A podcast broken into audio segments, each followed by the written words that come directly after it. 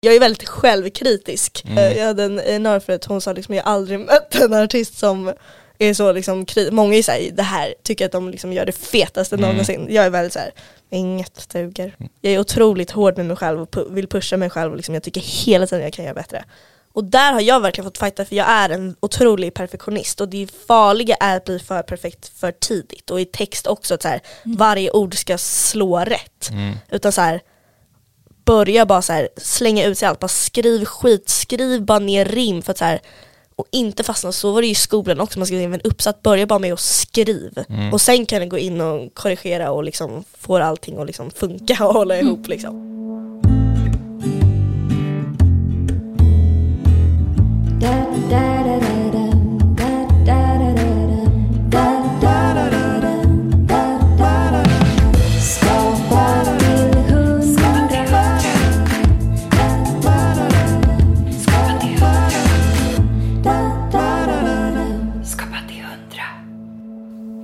Idag träffar vi artisten och låtskrivaren Lova.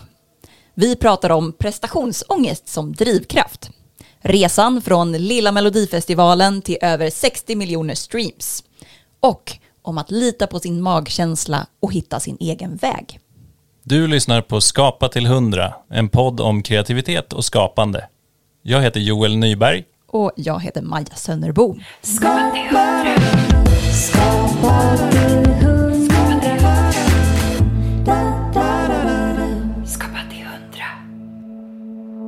Men verkligen, alltså jag har verkligen tänkt på det. Det finns så mycket studios. Ja, var brukar du hänga? Det är så blandat. Alltså jag hoppar runt väldigt mycket vart producenterna så sitter. Ja, för du har ingen egen liksom? Nej, jag har inte Nej. det. Mycket. Det är kul också att hoppa runt lite. Ja, mm. roligt. Ja. Men du, vill du ha kaffe? Så gärna! Hej! Precis, men vi kanske skulle nämna det att vi har en hund här i studion idag. Vår poddhund Essie. Vi får se om hon är assistent eller störmoment. Det Ja, det enda som kan höras är ju att hon tassar lite. Ja. Hon kan ju ligga i soffan. Ja, men kom, får hon ligga i soffan? Ja, för mig får hon det. Men vad kul att du ville komma hit Lova. Så kul att jag fick komma hit. Och vi kan ju nämna det för for the record yes. att, att vi känner varandra sedan innan. Back. ja, we go way back. För vi är kusiner. Det är helt enkelt. Jajamän. Men vi har ju faktiskt missat varandra lite. Jag tänkte på det. Du är 13 år yngre än jag. Eller det något sånt där. är jag säkert. Jag är äh, 98. Ja. Så vi har ju liksom på ett sätt, vi har inte eh, umgåtts, vi känner ju inte varandra jätteväl liksom, Nej, personligen. Verkligen. För vi missade varandra liksom lite i mm. generationen, att jag var så mycket äldre. Jag var bara liksom. den jobbiga lilla kusinen där. Nej, det var den gulliga lilla kusinen. som nu är en superframgångsrik artist. Så det är ju otroligt häftigt.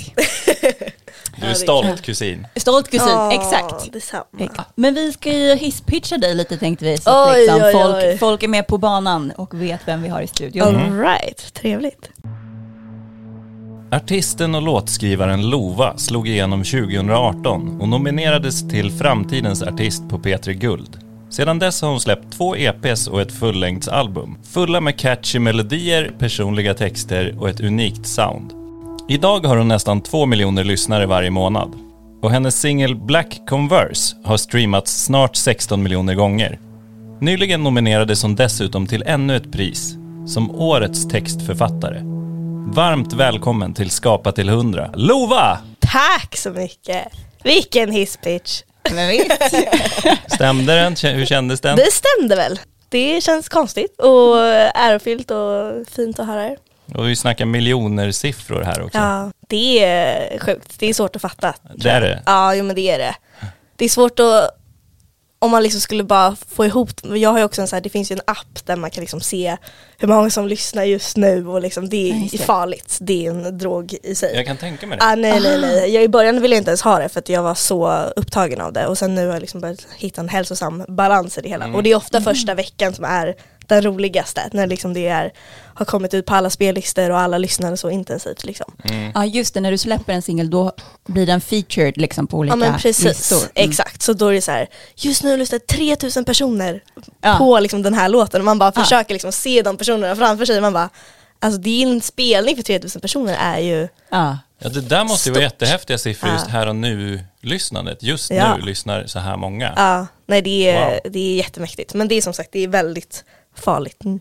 Wow. Men vad menar du att det är farligt att man sitter där och tittar på siffrorna istället för att skapa Men sina exakt, låtar? Liksom? ja egentligen det är ju en otrolig egoboost och liksom en superbekräftelse och då blir det också om man blir för uppslukad av det och liksom upptagen av liksom siffrorna då blir det också så här, men idag var det inte så här lika mycket som igår Mm. och så Mm. blir Just man liksom, det blir nästan en, ja det kan bli lite ohälsosamt nästan. Att Mm. man, Just att det dippar viss, Ja. såklart vissa dagar och då blir man rädd. exakt, och blir för upptagen av siffrorna och, liksom, och det är det som är så fint sen när man får gå ut och spela live och faktiskt möta de här personerna och Mm. se liksom deras stories och liksom få ansikte på dem alla, att man inte blir för upptagen av liksom bara nummer och siffror. och Så. Mm.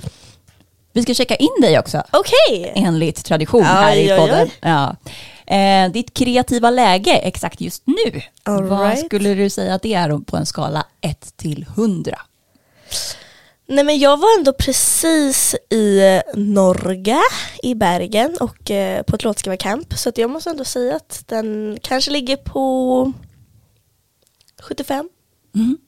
Så att då, jag skrev en dag när jag faktiskt var jättesjuk också så jag vet inte hur jag fick fram det men då så bara skrev jag någonting jättekul och dumt och vi bara gick på en känsla det tog oss någonstans och det kändes bara, men hela processen var bara väldigt enkel och kreativ och kul och det fanns inte så mycket tanke bakom det hela utan det var bara så här, vi går på det här, det här är jättekonstigt men Mm. skitsamma. Och hur var det om man jämför med typ i somras då? I Jag, jag började följa dig på. Instagram som research. Ja, Eh, och det såg ut som att du hade haft lite dipp i... absolut. I somras var den eh, på 10 kanske. Okej. Nej, den, var, den har varit riktigt låg egentligen hela året skulle jag säga. Jag har inte känt så mycket, vilket har varit lite tråkigt, eller så här, det var lite läskigt och tråkigt. Jag bara så här, jag har skrivit för att skriva och, och liksom tvingat mig till eh, kreativitet och liksom, jag tror jag var, jag var otroligt trött och slut efter albumet kom ut i januari. Och jag tror jag började kanske lite väl tidigt och hoppa in igen och börja skriva och att jag borde ha tagit en längre paus än vad jag gjorde.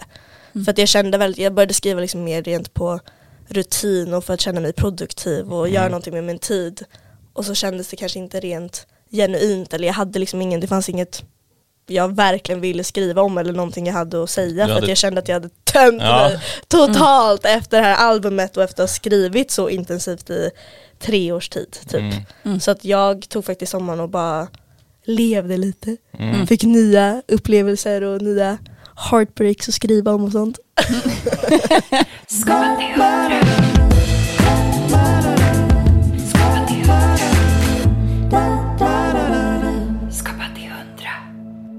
Öppen fråga. Okej. Vad är kreativitet? Åh, det är gud. Alltså jag är, kreativ på så många olika sätt i vardagen. Jag, kreativitet för mig är nog bara ett sätt att uttrycka mig på. Genom musik, mode, alla typer av konstformer, mat och vara liksom och skapa något Mm. som inte fanns där från början och liksom sätta sin egen prägel lite på det skulle jag säga. Bra sammanfattat. Ja men precis, för du känns ju också, det har vi inte skrivit någon fråga om, men jag bara tänkte på det när du, när du söker kläder, att du Mm. har ju också en så här, egen stil som artist, känns det som. Är det du som har tagit fram den, eller har du jobbat med någon stylist? Eller? Ja, faktiskt, det är 100% jag. Är Och jag ända sedan jag varit liten, alltså mina, det är ett skämt hemma att mina föräldrar la alltid fram kläder, eller mamma la fram kläder när jag skulle på dagis och det var inget tack. Aldrig Alltså. någonsin. Jag bara nej, jag ska ha det här. Ja, ja, ja. Nej, alltså, jag har varit så bestämd i liksom, vad jag ska ha på mig ända sedan jag var liten. Och jag Ah. tycker, och det är det, alltså så här, det finns inget annat jobb därefter som passar mig bättre än att vara artist för jag tycker verkligen helheten är så rolig och att det finns så många armar i det här att jag kan liksom få jobba med kläder som jag också tycker är jättekul och bara på olika sätt uttrycka mig och leka med färg och form och, och liksom skapandet det är det som jag verkligen sen jag varit liten tyckt har varit så kul. Så du har känt att det har varit, du har din egen stil eller har du påverkats också av mo- mode och trender och så eller? Jag är en sucker för trender. Alltså jag är så lättpåverkad. Alltså herregud, jag är den bästa kunden att ha i en butik. De kan Okej. sälja på mig det ena och det andra.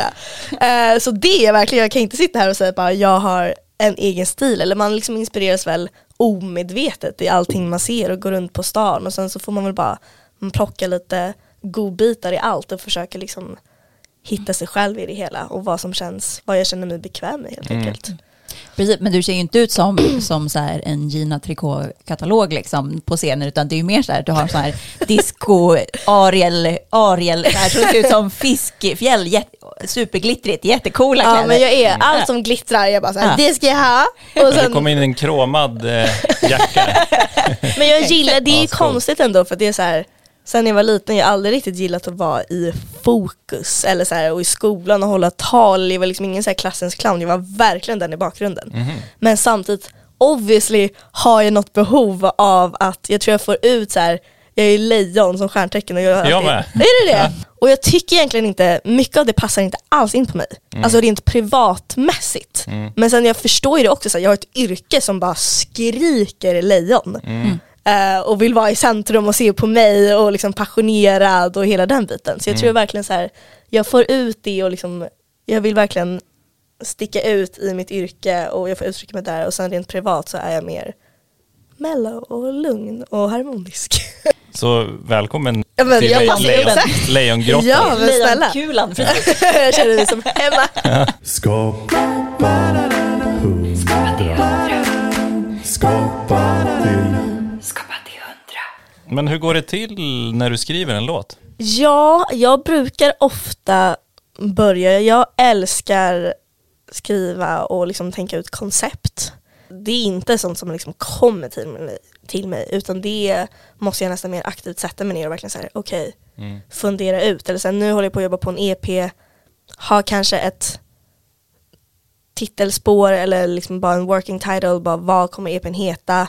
Jag tror så mycket på att det finns frihet i begränsning. Det är liksom, jag går efter det dagligen. Eh, och Eh, Vad menar du med det då? att men kom, att komma till en studio och liksom att du har ett helt vitt papper och du kan skriva vad som helst tycker jag är så mycket svårare än att bara säga okej här är konceptet eller här har vi en titel, här ska vi röra oss och då vet man genast om man ska börja någonstans. Eh, och ha det så fritt och öppet och liksom, så här, du kan i princip skriva om vad som helst idag. Alltså jag vet knappt var jag ska börja någonstans. Så eh, det är så här min, jag, vet, jag ska outa nu kanske att min nästa EP förmodligen kommer heta Hey mom, don't worry I'm fine. Ja, breaking news. Yes, eh, det här kan ju ändras också, men vi får se. Ja. Eh, men för att det är sånt stående skämt hemma att så här, varje gång jag kommer hem och spelar en låt så är mamma så här, hur mår du? Eh, ska vi prata om det här? Behöver du prata med någon hjälp kanske? Och, så här, och det är det som varför, det är, alltså jag hade nog mått så mycket sämre om jag inte hade musiken, för musiken är ju verkligen så här, så fort jag får skriva av mig om det här, då lämnar jag ju studion och bara mår tusen gånger Ja, bättre. Alltså jag är ju det är terapi ett också. kilo lätt, ja men verkligen. Att så här, ja nu mår jag jättebra, nu är det ute här, det finns en låt och jag bara så här, nu har jag fått säga allt jag vill säga, Ja. kan jag gå vidare med livet. Så bara att ha något typ av mål och varför, därför tycker jag också typ att börja skriva en refräng är så mycket skönare. För veta också så här, okej dit ska vi och sen kan man jobba baklänges.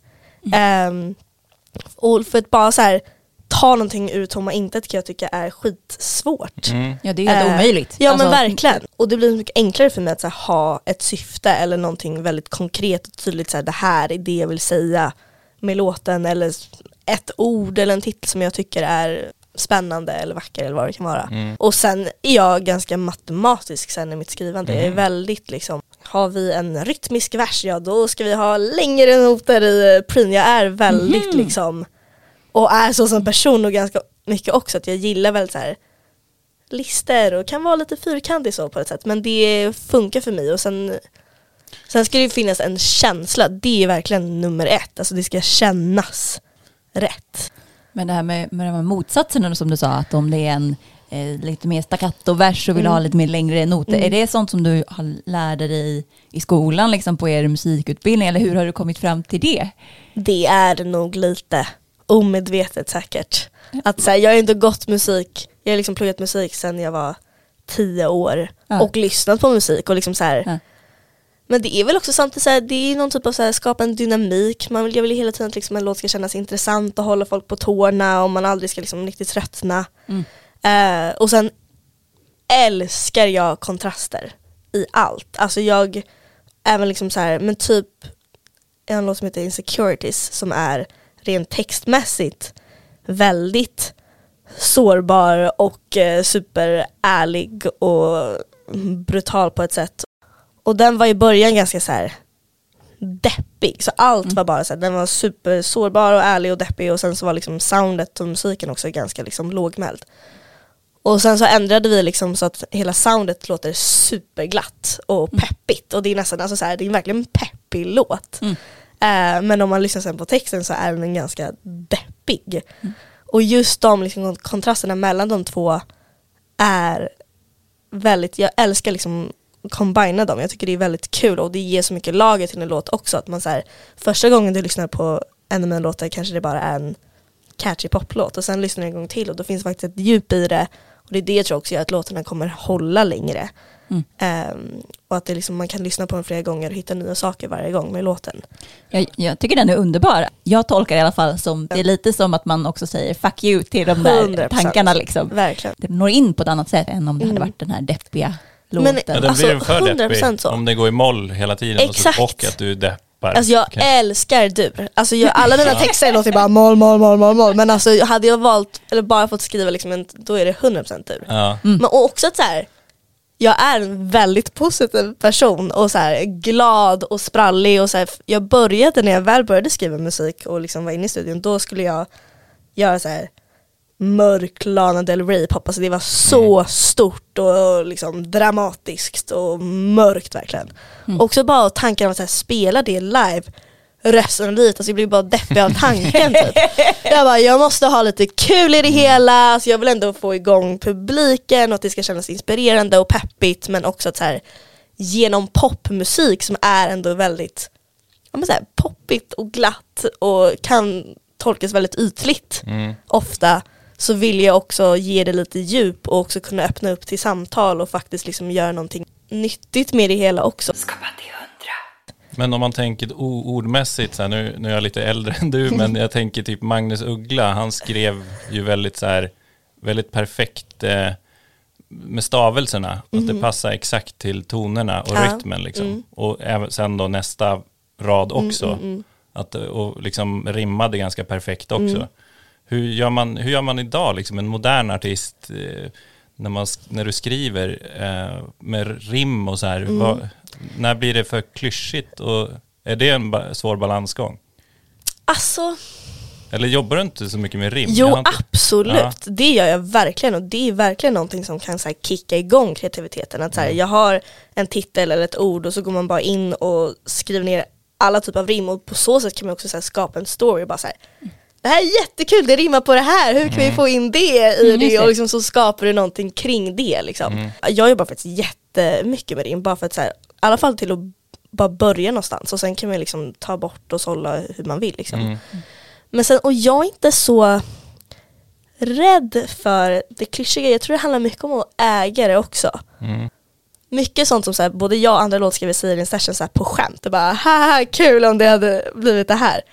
Så säger man det på skämt till en början och så bara fast det är ju jäkligt kul. Alltså så här, jag tycker Ja. ofta de stunderna och de så här, lite skeva grejer eller bara så här, det här är då jävligt klyschigt. De till slut blir jag så här, ja men låt oss. Mm. Varför inte? Alltså det kickar igång någonting i mig att så här, kanske vara lite provocerande eller liksom våga göra de där grejerna som kanske andra faktiskt hade inte vågat eller liksom bara nej men det här är för konstigt eller det här blir för klyschigt och bara så här okej men vi äger istället.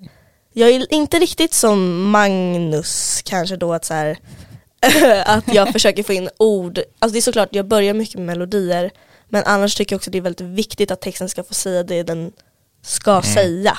Om man Så- tänker motsatsen till Magnus Uggla blir för mig då eh, Håkan Hellström. Ja. Där det är så här, alltså det, Men det, exakt. det är helt eh, fritt. Helt Exakt. fritt då liksom, Men lite så, jag är lite, jag är ibland, jag är en, en, både och tror jag med Mm. dem. Men jag är absolut så här, ibland typ en vers eller så här, här måste texten bara få säga precis vad den får säga. Mm. Och så får melodin bli vad det blir på Mm. det liksom. Och sen ibland så har man en jättetydlig melodi och så får du in liksom text efter det. Skriver du texten först och sen sätter melodin? Eller Nej. samtidigt? Jag gör oftast melodier, i alla fall någon typ av känsla och kanske någon typ av refräng och sen som sagt om det är verkligen Verser kan vara lite mer flytande just för att så här, där är ofta rent textmässigt där du kan säga väldigt mycket. Ehm, så då kan jag ofta låta det få vara väldigt textdrivet och så här, beroende på vad man vill säga så kan melodin ändras. Jag har ju på kul skrivit lite så här popsånger och skickat in till Mello och så för Ja. några år sedan. Och jag tycker det är svårt, jag tycker verser är lätta att skriva. Mm, jag med. Och så ska refrängen förhöja, alltså ska vara bättre än verserna. Mm. Ja. Men jag tycker ofta verserna blir Men bättre. det är därför man ska börja skriva refränger. Alltså jag var så i flera, flera år och skrev alltid liksom i ordning och jag verser kommer till mig direkt. Mm. För det är där också jag kan säga så mycket. Mm. För jag är väl textdriven, jag bara så här, och man kan vara så mycket mer conversational och det finns liksom Det finns typ ingen riktig mall på sig, eller det ska inte, behöver inte vara en slå rent mel- melodiskt liksom. Men en refräng ska ändå vara någon typ av liksom klimax i en Mm. låt. Precis. Och det är skit, alltså så många bara häromdagen hade jag verkligen sån, ett sånt moment att vi hade en så jäkla bra vers och pre och så bara Vad Mm. Fan är refräng? Alltså Den kan inte inget lyfta kom-. Nej men alltså bara, det kan inte bli bättre än det här typ. Nej. Så att allt bara kändes som att man bara dippade i refrängen, jag bara nej men alltså vi skrotar det här totalt. Vad är ditt bästa refrängtips? Bra fråga. Ja men ändå en, jag skulle säga melodin just i refrängmässigt är väldigt mycket och sen kan du få text och story väldigt mycket i vers och Just det. pre så. Klyschigt kanske att säga att bara ha en, eh, en onekligen liksom catchig melodi. Jag till exempel, den roliga låten jag skrev häromdagen Ja. på det här campet. Jag sjunger bara la la la la la i hela refrängen. Det är noll text. Mhm. Men melodin är Alltså det är helt omöjligt att inte sjunga med.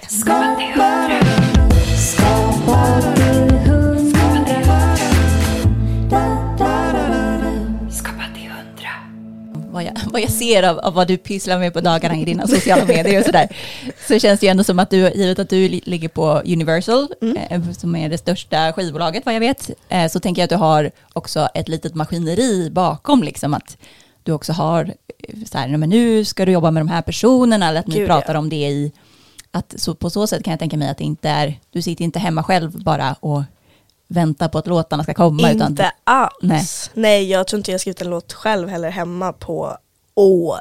Verkligen nu. I och med att också jag jobbar ju nästan varje dag i studion så det är också det sista jag vill göra när jag kommer hem är faktiskt att sätta mig i pianot Ja. och skriva en låt. Ja. Eh, och framförallt nu för nu bor jag också hemma så att det är så här, och det har varit en krock i sig för att jag bara tömmer mig dagligen och det är liksom som en terapisession varje dag. Man bara Ja. skriver av sig och liksom går in i sitt djupaste, djupaste inre för att liksom hitta någonting att Mm. skriva om. Mm. Och då när jag kommer hem då vill jag bara, jag vill bara höra om deras dag, jag vill inte prata någonting om mig själv. Nej, just bara, det. Liksom, är du, har du alltid samarbetat eller? Inte i början, i början jag började ju verkligen att så här, skriva alla mina låtar själv och jag tyckte det var väldigt svårt till en början att skriva med andra just för att det var så intimt och privat jag skrev om och hur skulle andra någonsin förstå på mig liksom. Mm. Eh, och men sen så hittade jag, jag fick turen att hitta två killar som heter Theo Frans som jag bara klickade med direkt och kände mig så trygg med och liksom vi blev vänner väldigt snabbt också. Eh, så jag tror de var en väldigt bra övergång för mig också in i liksom co-writing grejen. Eh, och nu kan jag knappt tänka mig skriva själv. Okej. nu är jag vant med att skriva med andra. Men de är producenter då eller? De är liksom De var- en låtskrivare, producent, duo, så Ja. att de gör För du producerar inte själv, eller gör du det nej, också? nej, Nej. jag pluggade faktiskt musikproduktion i gymnasiet. Ja. Eh, för att jag hade väl någon idé att göra allt själv Mm. då och liksom vara independent och så. Och sen så insåg jag att det är väldigt tråkigt Jaså? att göra saker själv. Ja okej, Och, eh, inte själva produktionen ja, utan det var också ganska tråkigt Okej. om jag ska det tar tid. Det var inte, ja men exakt, jag, är, jag behöver kickarna. Mm. Jag är liksom mer den typ av eh, personen så jag, det blev för nördigt och pilligt för mig så att jag tappar fokus. Skriver du med gitarr eller piano? Eller? Nej. Ingenting? Nej alltså jag gjorde ju det när jag började. Röstmemo?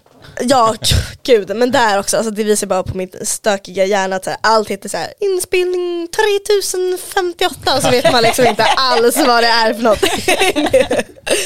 men nej, jag spelade gitarr och piano i eh, typ sju år, båda, båda instrumenten. Men eh, gjorde det nog lite, både för att här, vara duktig för föräldrarna när jag var liten Och så här, det var absolut ett jättebra sätt för mig att börja skriva låtar. Men sen så, jag vet inte, jag tappade det. Det är det här liksom att, det här att ligga i och öva och det här nördiga liksom matandet, det, är, det ligger inte i mig. Jag har Mm. inte, det, jag, är en, jag är en snabb, det måste gå snabbt för mig. Mm. Annars fokuset är bara, Mm. ha det.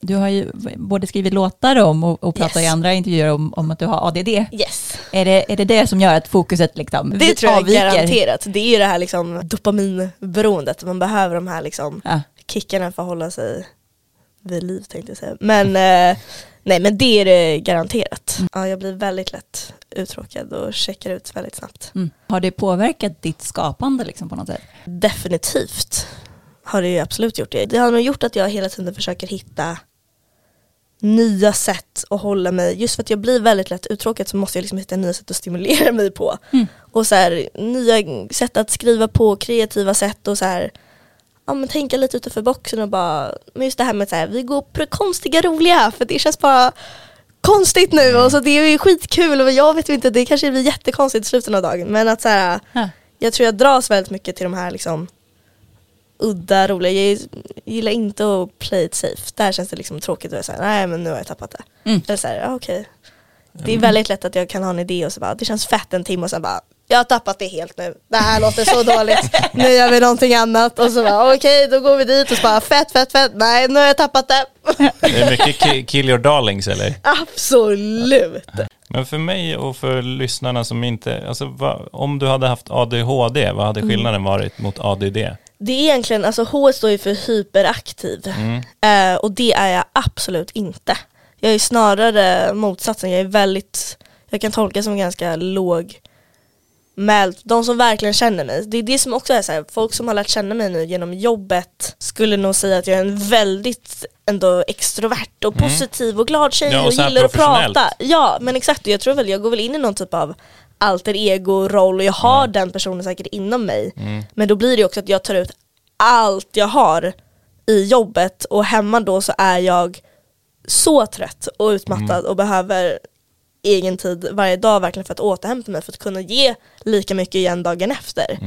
Så att jag är väldigt, jag är väldigt, ja men mycket i mitt inre och tänker väldigt mycket och liksom inte är så Alltså skillnaden är väl också att jag gillar att vara social men det ger mig ingen energi, det tar bara energi Mm. eh, i slutet av dagen. Du kommer somna här vid lunch. Skapa. Skapa Att det är nästan så här, jag hela det här året har liksom verkligen kämpat för att hitta tillbaka till den så här naiva mentaliteten man hade i början som ny av att så här Mm. fuck it, alltså så här, desto konstigare desto bättre och bara man gjorde det för att det var kul. Men jag är ganska, jag är väldigt självkritisk. Mm. Men, eh, jag hade en en norrförut, hon sa liksom jag har aldrig mött en artist som är så liksom, kri- många är såhär, det här tycker att de liksom gör det fetaste någonsin. Jag är väldigt såhär, inget duger. Mm. Och, så här, och sen så är det jättemycket som är jättebra men att jag är väldigt så här. jag är otroligt hård med mig själv och pu- vill pusha mig själv och liksom, jag tycker hela tiden jag kan göra bättre. Mm. Men när du lyssnar efter några veckor på något som du gjorde för några veckor sedan, Ja, då tycker du det ja låter men ganska bra? absolut. Och det pendlar ju och det, det var så himla svårt med att skriva albumet just för att så här, jag kunde lyssna igenom hela albumet samma dag, en morgon och bara det här är det fetaste jag någonsin gjort. Lyssna på det samma kväll och bara nej det här suger, jag måste skriva om, alltså det här håller inte. Att det är så här, och jag kan inte förklara det, alltså varför det är så, men det är bara det kan bero på liksom att man är hungrig eller trött eller så här, lyssnar på vid fel tidspunkt liksom på dagen. Men att det är så pendlande i känslorna. Har du hittat liksom metoden att ta dig förbi det där? Jag vill bara sessions med mina vänner. Det är sen nummer ett och jag har ändå skapat så mycket fina vänskaper genom det här jobbet och folk som så här känner mig rent privat också för det är också en sån himla press kände jag också just när jag skrev albumet också för då jobbade jag med väldigt många olika. Och det blir en väldigt press på mig av att så här, vara otroligt tydlig och bestämd i vad jag vill göra och sjunga om liksom i och med att så här, de kommer med sina influenser men efter att ha jobbat, om du jobbar med en mindre team, personer som känner dig, då, du behöver ju aldrig börja om i en session. Utan så här, man kan bara plocka upp det där man lämnar det, de vet saker jag går igenom, mitt typ av sätt att skriva, vad jag gillar, vad jag gillar för typ av produktioner, allting blir väldigt mycket enklare. Ehm, och mycket roligare och bara så här högt i tak. Det är då de här dumma idéerna kommer fram och bara så här, jag vet att jag kan vara så transparent, jag kan slänga ut i princip, i princip vad som helst. Mm. Och det kommer bara, de kommer inte tänka att jag är helt knäpp. Men är du liksom också sådär som man säger att brainstorming är bra när alla får komma med knäppa idéer? Att du, Absolut. att du så här, ja bra, men vi kanske ska tänka så här. Iste- Istället för att såga det totalt. Nej, hundra Eller är du helt, är, är du så här, nej men det där var skitdåligt. Nej, eller jag vet inte om alla idéer är värd att liksom kanske ta vidare, det vet jag inte. Men jag är 100% eh, mottaglig till liksom att alla ska slänga ut sig. Mm. Och det är väl det som också, och där har jag verkligen fått fighta för jag är en otrolig perfektionist och det farliga är att bli för perfekt för tidigt. Och i text också att så här, varje ord ska slå rätt. Mm. Utan så här, börja bara så här, slänga ut sig allt, bara skriv skit, skriv bara ner rim för att så här, och inte fastna, så var det ju i skolan också, man skrev en uppsats, börja bara med att skriv. Och sen kan du gå in och korrigera och liksom få allting att liksom funka och hålla ihop liksom. Samtidigt som såklart det är någonting positivt också, att jag verkligen brukar ofta gå liksom the extra mile till att liksom göra klart någonting eller få det att här, bli ännu lite bättre. Men just det här med att vara så perfektionist till en början kan sätta väldigt mycket käppar i hjulet på mig också. Jag är ganska, jag är en ganska långsam låtskrivare. Jag är inte liksom någon som bara slänger ut med saker. Jag är väldigt eftertänksam och gör allt med intention. Ehm, och jag gillar det också, det blir liksom jag, säger, jag tror inget ena eller det andra är bättre egentligen. Men eh, jag inser det mer och mer att jag, jag är inte den snabbaste. Men när du ska, har du kreativa team, har du an, dina låtskrivarkompisar, kompletterar de dig där? Ja liksom? men absolut, de som har liksom känt mig länge nu vet ju hur jag funkar. Jag älskar ju typ att jobba med sådana personer som bara slänger ut sig saker och så kan jag så här med min magkänsla och känna så här det där är fett eller så här, det där kan vi skriva om så och bara det funkar med det här som jag har skrivit här. Att så här, jag är en väldigt, mer och mer har mer översikt. Du är Är du- redaktören Ja men som exakt. pusslar ihop bitarna. Exakt. Ja.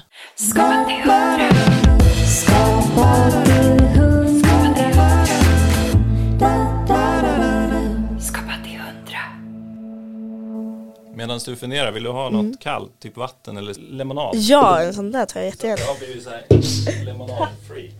Precis, det har blivit vår podddryck. Vi funderar på om vi ska höra av oss till dem och Men det bli, är ska bli våra otroligt. sponsorer. Och det finns ju inget så satisfying som att dra av den här lilla Ja, vilken reklam de får nu och så Exakt. det här ljudet också. Det här är ASMR. Jag är besatt av ASMR.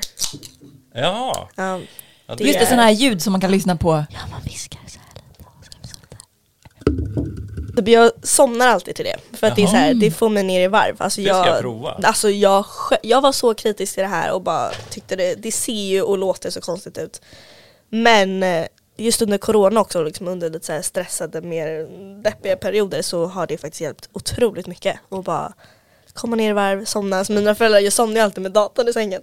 Så de kommer in och bara, vad fan är det som låter? Jaha, du, varje du lyssnar inte på lurar? Du, Nej, liksom nej, nej, alla har. Ja. Och för lyssnarna ska vi också berätta att det, det här är alltså, man spelar in ljud som viskningar eller Mm. att man drar så här på mikrofonen så här. Exakt. Eh, Tapping. Och, och att det, Alltså det är så mycket folk som bara äter och smaskar. Åh gud, nej men Ja, det nej men det är så många, alltså, nej jag älskar det. Alltså, det är en riktig Sörplar. vattendelare det här. Ja, ja, ja. Precis, och det här är ett av dina hemliga intressen. Ja! Eh, nu har vi kommit in på frågetombolan. ja. Vad heter det? Tombola? Frågetombolan. Aha. Oh, okej okej. Så drar man en. Och ser man vad det är. Okej. Om du flyttar hemifrån, var skulle du vilja bo? På Södermalm. Jaså? Jajamän. Det är där jag känner mig. Det är där alla mina vänner bor. Jag rör mig runt på Söder. Det är väl ändå där kreativiteten flödar. Hornstull kan jag rekommendera. Ja nej men det är 100% där jag vill bo. Det är jag, alltså Reimersholme är dröm, Ja. dröm. Vad är din favoritkänsla? Kanske att känna mig stolt. Mm. Och när gör du det som mest? Jag är väldigt stolt över, alltså jag känner mig väldigt stolt typ när jag är bland mina vänner. Mm. Att så här, ha så fina vänner runt omkring mig och liksom typ stolt över min bror. Mm. När han liksom, nu håller han också på med musik och det är väl en otrolig känsla att känna sig väldigt stolt över liksom, de människorna man har runt, runt omkring sig men också såklart när jag verkligen känner att så här, idag har jag liksom skapat någonting jag är otroligt stolt över. Mm. Och så här, genuint 100% bara kan stå bakom. Skapa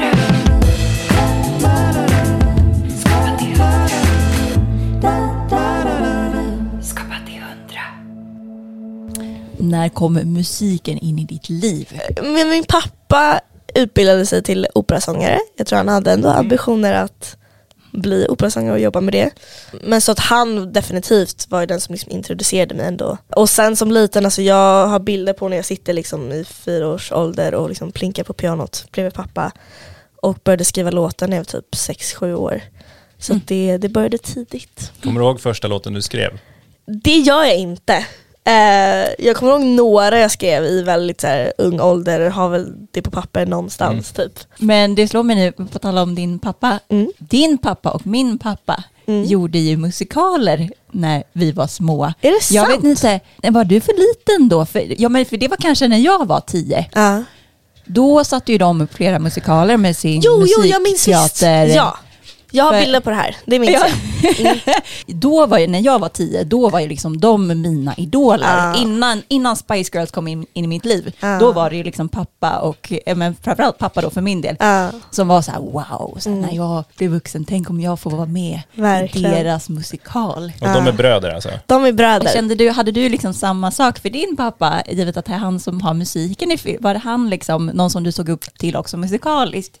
Ja, absolut. Han var ju liksom min stora coach i liksom det kreativa livet och var väldigt, så här, han var väldigt mån om att jag inte jag vet inte, han hade väl någon förutfattande mening om att jag inte skulle ta några sånglektioner och gå till någon vocal coach och förstöra mitt ID som jag hade liksom skapat, och så här, hitta mitt sätt att göra det på. Liksom så. Men han har alltid, alltid liksom ändå peppat mig till att så här, ta mig tiden och lista ut saker på egen hand och utvecklas i min egen takt och liksom inte pressa till mig någonting. Liksom. Mm. Eh, och nej, han eh, var en jätte, jättestor eh, inspiration när jag var liten. Fick du mycket bekräftelse av dem?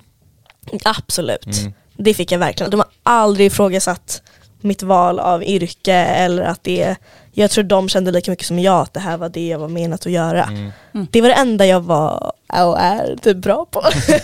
När du var 14 så var du med i Lilla Melodifestivalen ja. och vann den till och med. Jajamän. Jajamän. Hur, hur hamnade du där? Det är en bra fråga. Jag eh, skrev en låt tillsammans med två tjejer i skolan, i grundskolan. Där vi skrev typ en refräng och eh, lite idéer. Och sen så hade jag det på ett papper när jag kom hem. Låg där i typ ett års tid och sen så hittade jag det och bara, men det här ska skriva klart typ. Mm.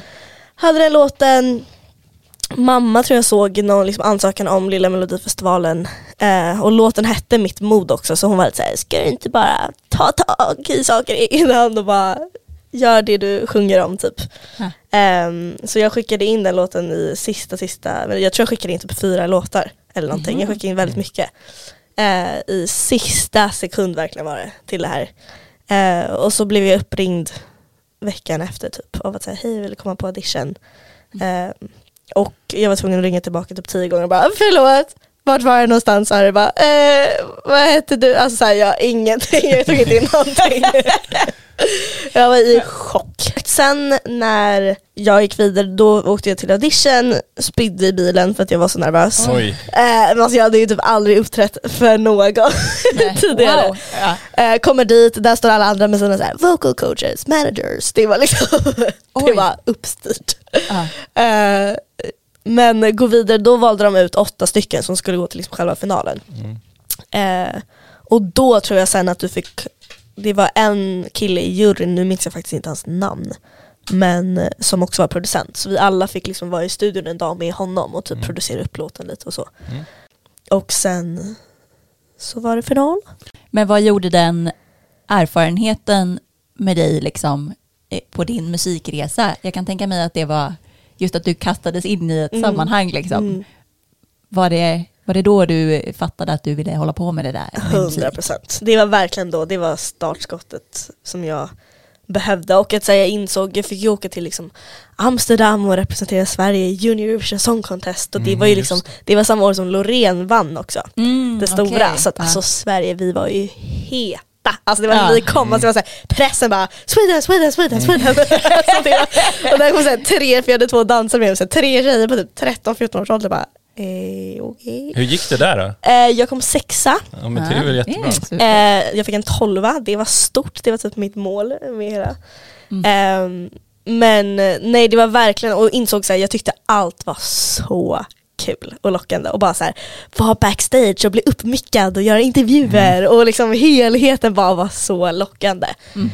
Eh, och kände verkligen att så här, men nu är det bara att köra på härifrån. Ja. Men efter det så vill jag minnas att du fick förfrågningar liksom Mm. att sjunga andras låtar eh, och att du liksom skivbolagen närmade sig dig men att du tackade nej till en hel del grejer Ja. eh, för att du inte ville liksom. Och jag tänker så här att det är ändå ovanligt när man är så ung Mm. att vara så, här, eh, så, ty, så här säker på att nej jag vill inte göra det, jag vill göra det här. Mm. Vad, vad, vad, vad tror du det kommer ifrån? Säg det, alltså jag måste ändå ge lite cred till mina föräldrar också under den perioden Ja. för att så här, hade jag fått bestämma så hade jag 100% signat med Okej. det ena och det andra skivbolaget Ja. för det var min stora dröm så det var nog mycket mina föräldrar också som bara du är 13 år och det kanske inte är läge just nu. Mm. Ja. Eh, sen idag är jag så tacksam för det och det var nog det bästa att faktiskt också ta ett steg tillbaka efter det och bara fokusera på skolan, fortsätta skriva, utveckla mitt sound, lista ut vad för typ artist jag ville vara. Vad. Det var ändå där jag insåg också att så här, för jag fick ändå otroligt mycket fin feedback av liksom unga personer som bara tack för den här låten och den har hjälpt mig så mycket eller liksom hjälpt, mig att ta mitt eget mod till att vara mig själv eller liksom stå upp för den jag är. Och det var verkligen då jag också insåg bara shit, musik kan verkligen göra skillnad för det har alltid varit en stor drivkraft i mitt kreativa skapande också. Jag har alltid varit väldigt textdriven och för mig har det varit jag började nog inte skriva låtar för att här, ha ambitioner att vara, bli artist utan så här, att just få uttrycka mig och prata och öppna upp till samtal genom musik är i grund och botten det jag verkligen drivs för och liksom älskar att göra. Och sen då att kunna få göra det genom musiken som också är en grej som jag älskar att göra Mm. så blev det så, allting bara föll på plats där då bara shit det här är verkligen det jag ska göra.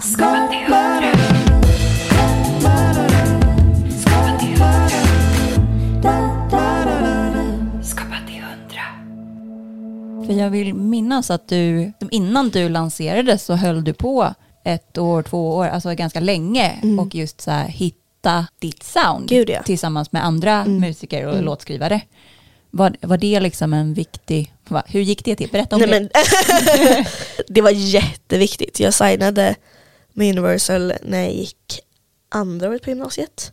Och jag sa på första första mötet med dem att här, jag kommer inte släppa någon musik förrän jag har tagit studenten. Mm. Ehm, och det var också lite ett sätt att se så här, att de verkligen såg det långsiktigt eller om de Mm. ville verkligen få ut någonting direkt. Ehm, men de var helt med på det och det köpte ju mig bara liksom ett och ett halvt års tid av att så här, bara skriva, skriva, skriva, upptäcka, liksom, hitta mitt sound, hitta låtskrivarproducenter som jag funkade med. Jobbade med Theo Frans som var några av de första jag hamnade i en session med och liksom hittade rätt direkt så att jag hade en otrolig flyt med det. Mm. Eh, men det, vi var ju de som först ville göra det här mörka, det. liksom stora soundet och jag gjorde säkert ett, en, absolut en EP, två EPs på det liksom soundet. Eh, Som du släppte? Nej nej nej. nej. Nej. Nej. och inte så här, tänkt EPs men bara rent material. Jag hade låtar för att kunna släppa säkert två EPs i liksom den världen. Så du testade inte musiken då? Jag tänker så att man lägger, Nej. innan man slår igenom kanske man lägger upp på Soundcloud eller Nej det gjorde jag inte. Eh, utan det är ju faktiskt en ren slump av att så här, en solig dag så var vi så här vi var så trötta på att göra det här lite så här lågmälda, mörka soundet och det var så fin dag, vi bara idag ska vi göra någonting glatt och så här dumt och positivt och då skrev vi en låt som heter Careful som är så här den mest feel låten som man någonsin skulle kunna tänka sig. Och vi bara, varför gillar vi det här? Vi bara, vi bara kom tillbaka dagen efter och bara, alltså jag gillar det här jättemycket. De bara, ja jag med, bara, borde vi gilla det här? alltså det var så här, för det var raka motsatsen till det vi hade gjort i typ ett halvårs tid eller någonting. Ehm, och sen efter det och sen så skickade vi den låten till liksom alla runt omkring och mitt team och, liksom så, och alla bara såhär, gud det här känns jättekul. Mm. Vi bara, men vi testar lite på det här spåret då, vi gör någonting sånt och då föll allt på plats. Alltså det är verkligen så här. första EPn var klar, det gick så mycket snabbare, det var verkligen så att vi hittade någonting som bara kändes kul och rätt och ja. Det är väl det jag håller på att struggla med nu, att så här, hålla någon typ av röd tråd. För jag vill heller inte bara säga vart är hon på väg? Alltså Lova hon har tappat det helt, alltså nu vad gör hon? Eh, samtidigt som också så här, det är någon typ av press på en att så här, förnya sig själv. Mm. Att så här, jag kan inte sitta och släppa human designers om och om igen. Och det var verkligen en press i början som jag försökte, att man hittar den här Just att så här, med human design så blev det som press att så, här, så mycket av den liksom, fina feedback jag fick var att så här, det här kändes som någonting nytt. You Me and the Silence var ju liksom din debutsingel Yes. som också blev otroligt spelad framförallt på P3 och blev mest spelade svenska låt på P3 Yes. det året. Oj. Eh, och jag kan, exakt, oj. Wow. och så jag kan verkligen tänka mig att det alltså, både var fantastiskt men också var ja, men, kreativt kanske just satte det här 100%. pressen liksom. Mm. Och det fanns ingen tanke när vi skrev låten att så här, det här är något nytt. Eller så här, vi hade en bra session, det gick väldigt snabbt, vi skrev en låt som bara kändes rätt. Mm. Och då försöka återskapa en känsla eller så här, när du blir för medveten och tänker att du ska skapa någonting nytt, det är då du tappar känslan helt och hållet. Det måste bara få ske. Eh, och det är jätteirriterande men också så här väldigt härligt när de stunderna kommer då att det är bara så här också typ ett exempel på, jag skrev en sista låten på min, eh, mitt album som heter Sleep Forever. Den sessionen var tillsammans med Theo Frans som jag nämnde och en kille som heter Jonas Wallin som jag gjorde Human Designers med. Så på papper var det här liksom the session. Alltså det var så här, vi måste skriva någonting fett. Alltså det är verkligen mina go-to-personer i ett och samma rum typ. Mm.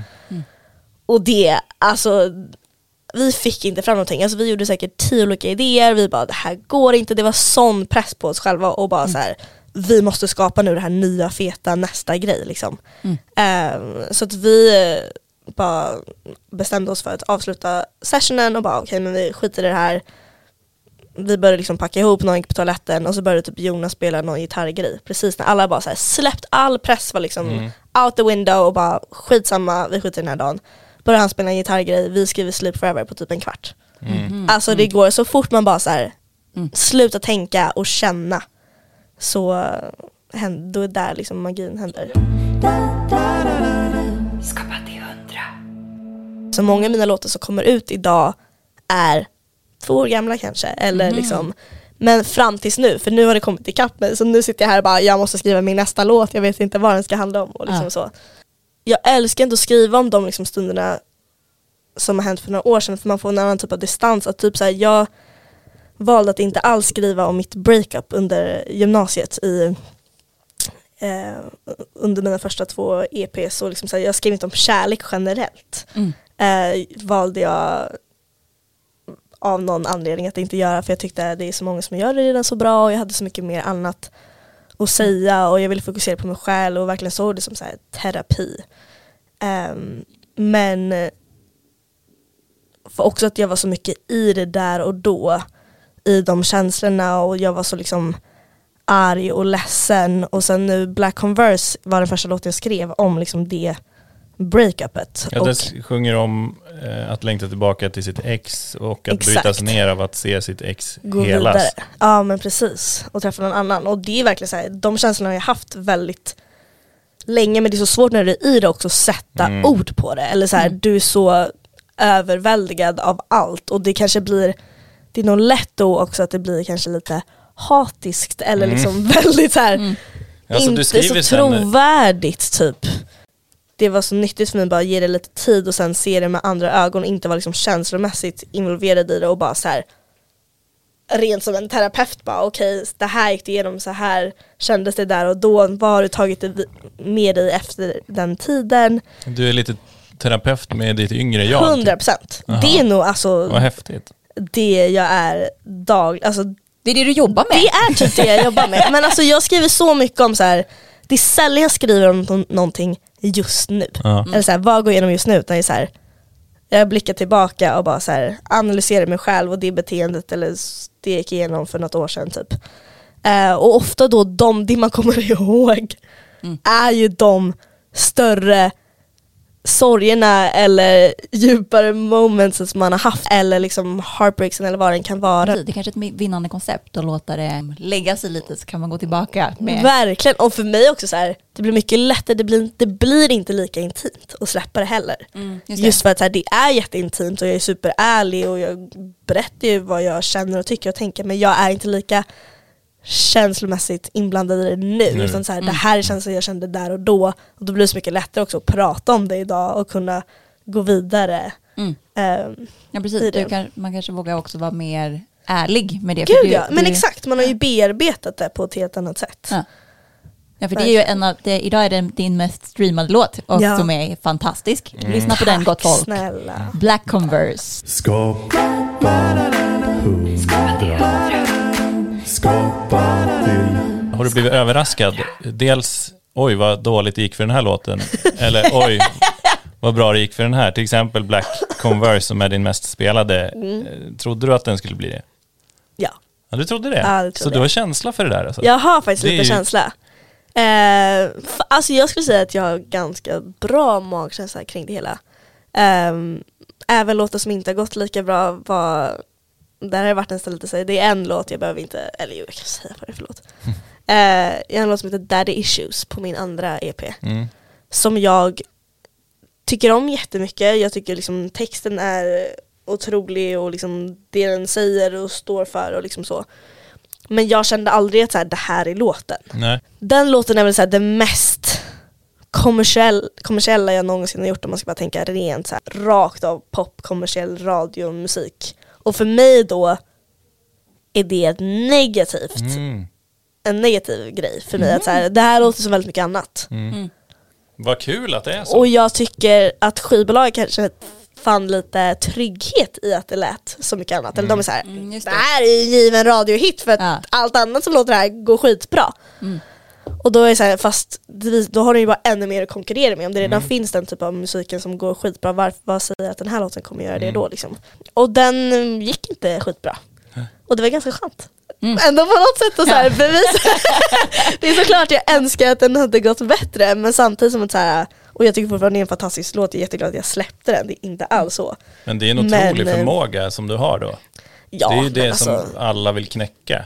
Är det mycket diskussioner internt? Har, då, har skivbolaget mycket åsikter omkring så här, det här ska du släppa, det här är, bra, det här är dåligt, det här passar dig? absolut. Ja. Ja gud ja, det är diskussioner varje vecka och ibland så är man jätte, håller man med om allt och ibland inte och det är liksom det är, det är en del av det.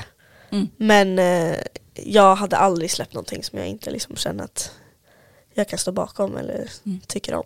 Det är alltså en tumregel och det tror inte jag de vill heller Nej. eh, i slutet av dagen. Så att det, jag känner ändå att jag har liksom sista ordet. Men det är ofta man får, liksom, man får ju fightas Mm. för det ibland. Och det är ju, då är man själv, jag är liksom själv den som ska stå upp för liksom mig och mina tankar och sen så har ju de ett helt liksom bolag. Nej, men jag kan tänka mig att det både finns plus och minus med att, att det är en massa folk som tycker om ens grej. Alltså att det både kan vara lärorikt, att Mm. man kan få andra perspektiv, Verkligen. men att det också kan typ sätta lite griller i huvudet på en. Alltså om man blir för tänkig kring sitt skapande. Jag tycker Eh. det är det svåraste av allt. Ja. Just också när det handlar mycket om min musik, eller det är ju så, jag är ju liksom mitt egna varumärke, det är mina tankar, det är så baserat också på så här, mitt självförtroende ena dagen, eller det är så liksom känslostyrt alltihopa. Så att Mm.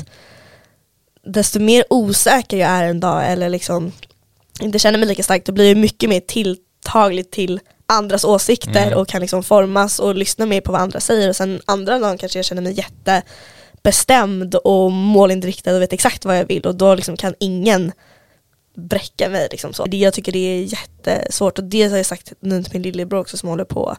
Att så här, och tips till alla som liksom vill jobba som artist och hålla på med musik. Att så här, desto mer du redan vet och liksom har en tydlig bild av så här, vad för typ av artist du vill vara och stå för, desto mindre kan andra gå in och liksom påverka det. Mm. Ehm, så jag tror det är ganska viktigt ändå att ha någon typ av tydlig bild och kompass inom dig. Att så här, vad är det stora målet i det hela? Ta så mycket tid du bara kan i början. För sen Ja. när du väl har börjat släppa musik, det är då tidspressen kommer på ett annat sätt och press från andra också. Och, så här, och också liksom det var så skönt att ha den tiden just för att så här, då hade jag första, när jag släppte första singeln så var visste jag andra singel, jag visste EP som skulle komma och det har varit det bästa i allt. Att så här, Mm. hela tiden kunna luta sig tillbaka till och känna sig trygg och veta att jag har kommande släpp efter det här. Oavsett om det skulle gått bra eller om det inte gick bra så visst fanns det redan en plan att så här, men det här är andra singeln än att så här, för det tror jag också att så här, tidspress är det är ju farligt för kreativiteten ibland. Samtidigt som det kan vara jättebra ibland också. Mm. Ehm, men eh, Precis, det är bra för, för att få det gjort, komma exakt, till skott. Ja men exakt. Men kanske inte så bra för att få den där fantastiska idén. exakt. Men vad är det som pratar om det? Mauricio Molinari tror jag, att det här med att få en femma, alltså i filmbranschen, för att få en femma så måste man också vara beredd, det kan lika gärna bli en etta. Ja. Det, om man gör det Absolut. mer planerat, då blir det så här tre. Tre. Ja. Men Det det är exakt så. Ja. Och det är de värsta låtarna. Alltså jag kan skriva treor varje dag. Ja, Alltså det känner jag mig trygg i. Men det är ju de just den så här, det är den risken som är kicken också. Att så här, det här kan bära eller brista men det är någonting är kul här. Alltså det bara känns, just att inte veta heller, det är det som också är det spännande i det. Att så här, och det är oftast de låtarna som jag känner kommer gå bra för att så här, här har vi någonting, alltså, så här, det är vi, din vattendelare, det är någonting, det väcker reaktioner. Och där kan ju ofta ett skivbolag vilja playa det mer safe för att så här, det är en Just otrolig det. satsning också att gå på en låt som bara faktiskt också kan floppa totalt. Mm. Men då försöker jag se det, jag är ofta, där jag blir jag mer positiv bara fast det är såklart det kommer bli en alltså, dunderhit då i sådana fall. Skapa hundra. Skapa till Ska vi köra lite mål och framtid? ja det tycker jag. Okej, Vad händer framöver med din musik? jag släpper låt faktiskt idag kan jag säga för det är samma dag som det här avsnittet kommer tror Just jag. det, tolfte. 12 Just det. har jag släppt en låt som heter Didn't know shit tillsammans med en brittisk artist som heter JC Stewart och en italiensk DJ som heter Kina. Så det blir kul och sen nästa vecka kan jag säga det också kommer en till låt.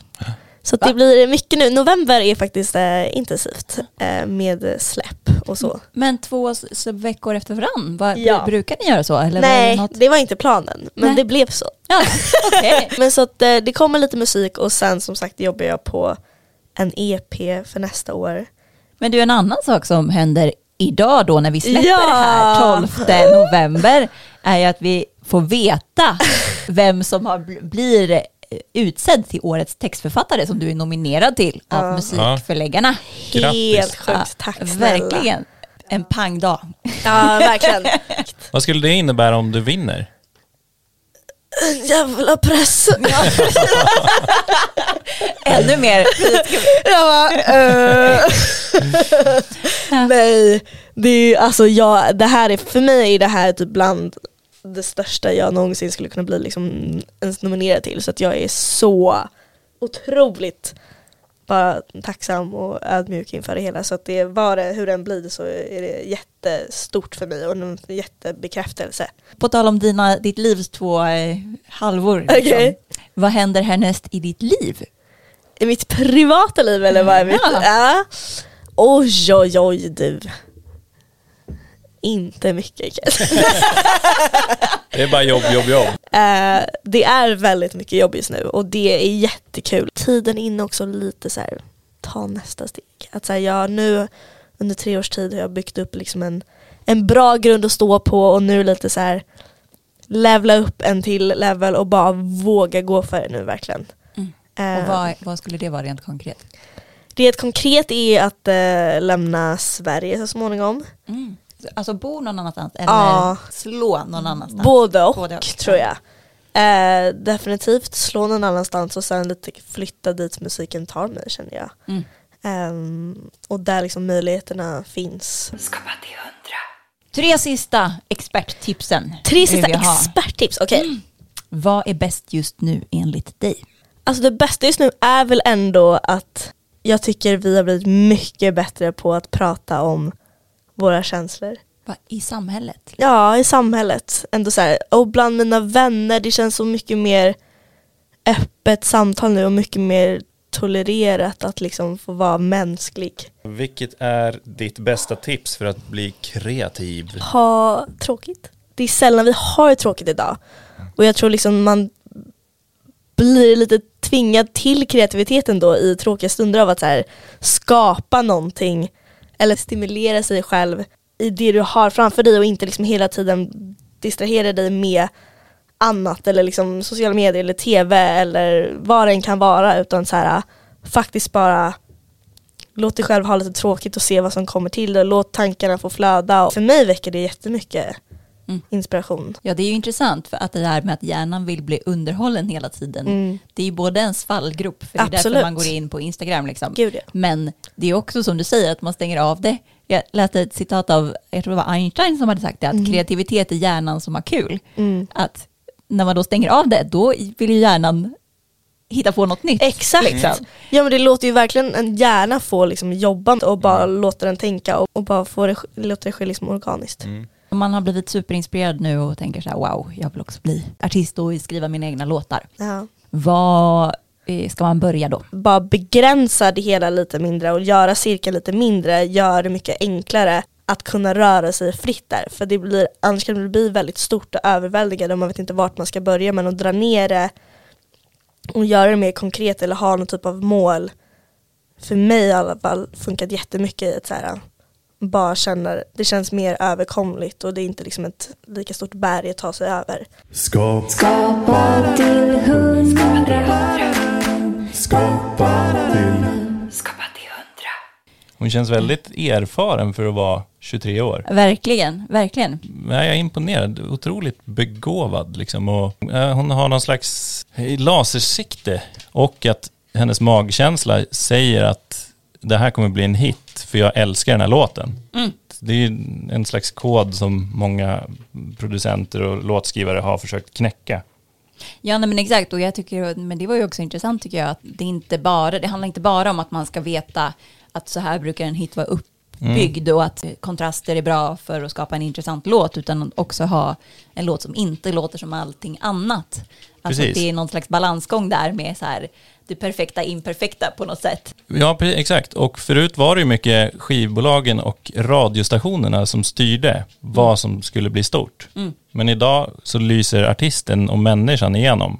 Den här härliga podden spelar vi också in i en härlig poddstudio som är Lejonbröder Produktion. Tyckte ni att det här var eh, superspännande så glöm inte att klicka på prenumerera i din poddapp. Lyssnar du i podcaster, Apples app, så kan du också gå in på vår eh, Skapa till 100-profilen och scrolla ner och lämna recension. Jag gör det, för det hjälper så att vi får fler lyssnare. Precis, och nu är vi på ett litet mission att växa Skapa till 100-podden ännu mer.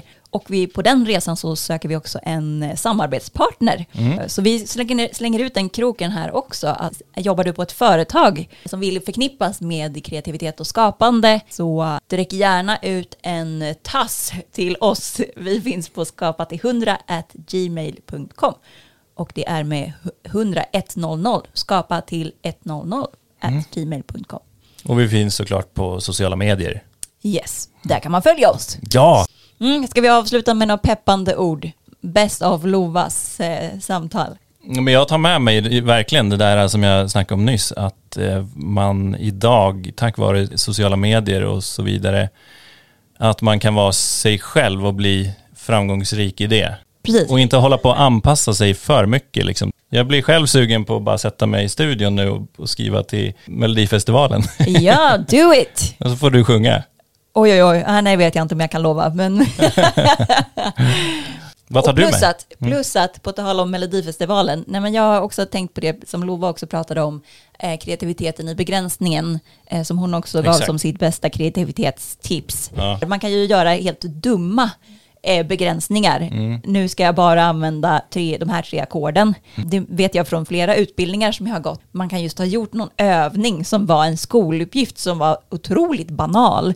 Nu ska vi göra en läxa som handlar om ackordföljd. Alltså, men att det kan bli fröet liksom till något som blir något mer. För att man får loss något eller man kommer igång på något som man inte kommer igång med om man det är så här, som, precis som Lova sa, att hela världen står öppen. Du kan göra vad som helst.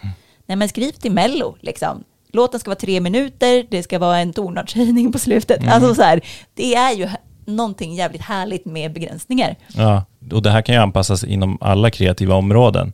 Precis. Gå inte in i redigeringsfasen för snabbt. Nej. Låt det flöda. Ja, bara skapa. Skål.